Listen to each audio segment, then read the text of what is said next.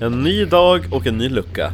Och det här är just efter att vi har spelat in, efter vi har spelat in Inga Lills barskåpsprovning. Mm. Och då plingar till i min inkorg på min hemsökta Umeå spökmail.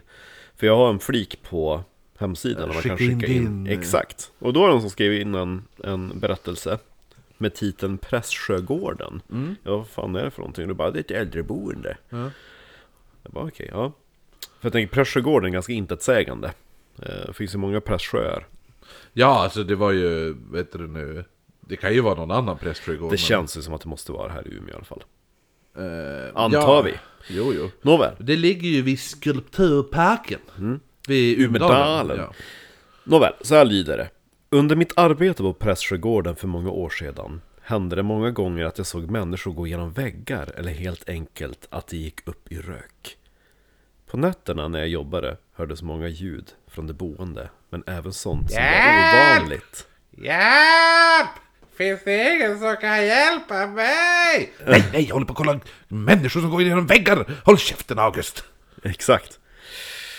Men även sånt som, var, är, eh, som är ovanligt, knackningar på dörrar, där du vet att de som bor i rummet är sängliggande, eller när du går genom korridoren hör du steg bakom dig men det är ingen där.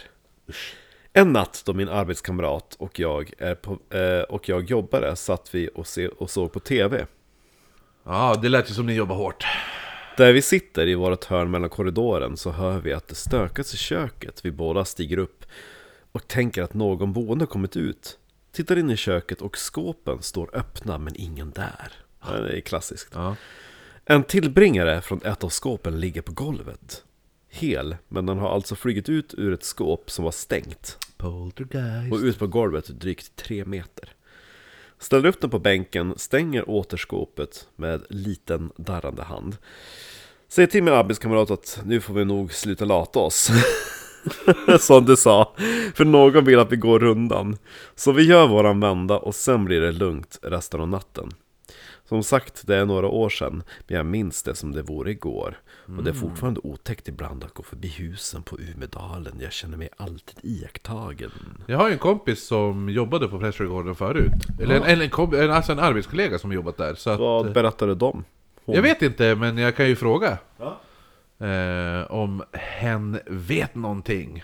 Däremot har ju hon berättat, eh, jag sa hen och så sen jag bara hon, så att nu, ja. Eh, hon i alla fall. Har ju berättat att eh, det var ju, där på stallet, det här gamla stallet där de håller på att bygga om. Där eh, vi... På regementet nu? Va? Nu, i stan? Ja, alltså inte, inte stallet på själva regementet, utan det som är där nere vid Dragonens hälsocentral och det. Studiefrämjandet och Ja, det är ju... Jo, men det är det- ju jo, det, regementet. jo, det är ju... Ja. Ja. men det är inte på regementet. Jo. Det är inte på regementet. Jo, det är det. Re- Va? Ja. Regementet är ju Umestan, tänker jag. Det Där är, har det, de ju är, också... det är två olika regementen. Jo, Chris. men där har de ju också stall. jo, men det är fortfarande ett stall på ett regemente. Ja, men om de säger stallet på regementet så tänker man ju det som är på regementet, regementet. Så tänker du? Mm. Så, Okej, så om, om jag bara, men möts vi i stallet vid, på regementet, då går du till det stallet. Ja, Du går inte till själva s- det som är stallet på regementet? jo. Ja men det finns ju Det är ju två rätt. stall! Ja men det är båda är ju stall! Då får du säga antingen så menar du K4-regementet eller så menar du Dragonerna. Nej så säger jag stallet, du vet det här gamla skitstallet vid, vid Studiefrämjandet. Där skulle du spöka! Där har ju hängt sig någon på vinden. Säger man. Ja, Mm. och så var det även hon som berättade, men det finns något bo- borta vid typ Tvär och Bäck? Finns det något som heter det? Jo. Ja, där skulle det finnas något hus där de sa att det spökade typ som de, någon som de kallade för Strumpgubben. Va? Ja. Strumpgubbe. Ja, men hon sa att det hände ju jättemycket grejer inne i stallet. Ja. Mm. I alla fall.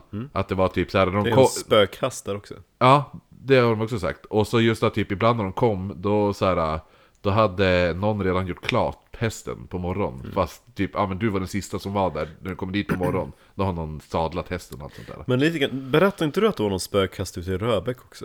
Nej men det var den hästen. Ah. Eh, den där på det stallet. För jag trodde att det var stallet ute i Röbäck. Hur fick du det till Röbäck? Ja, ja. Ja men hon sa bara stallet! Och, så, va- ha- och så har hon kontakter Mm. Och du i bara Växjö. ah, du, då, han- du bara ah, menar du stallet på regementet? Och hon bara ja!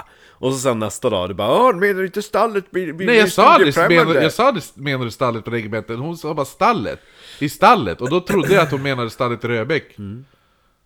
Men vad hade de, jag, jag tror att det är en egen lucka eller någonting. Jag tror att du berättat det tidigare. Jag vet inte, men nu berättar jag igen. Ja, berätta igen. Ja, nu har jag gjort det. Jag hörde en till spökhistoria igår. Ifrån Obbola. Jaha, ebola. Då var det, han, hade varit, han och några kompisar hade varit ute och gått mot eh, Alltså, S, alltså p- p- vet du, helvetes illaluktande fabriken där och så gått ut mot stugområdet. Och då finns det där ett typ ett, fanns det, eller jag vet inte om det finns kvar, där var, är det, stod det ett ö, så här övergivet, typ en övergiven så här, gammalt hus, så här, nästan en gammal Västerbottens villa. Som alltid är kolsvart nedsläckt och alltihopa och sådana där saker.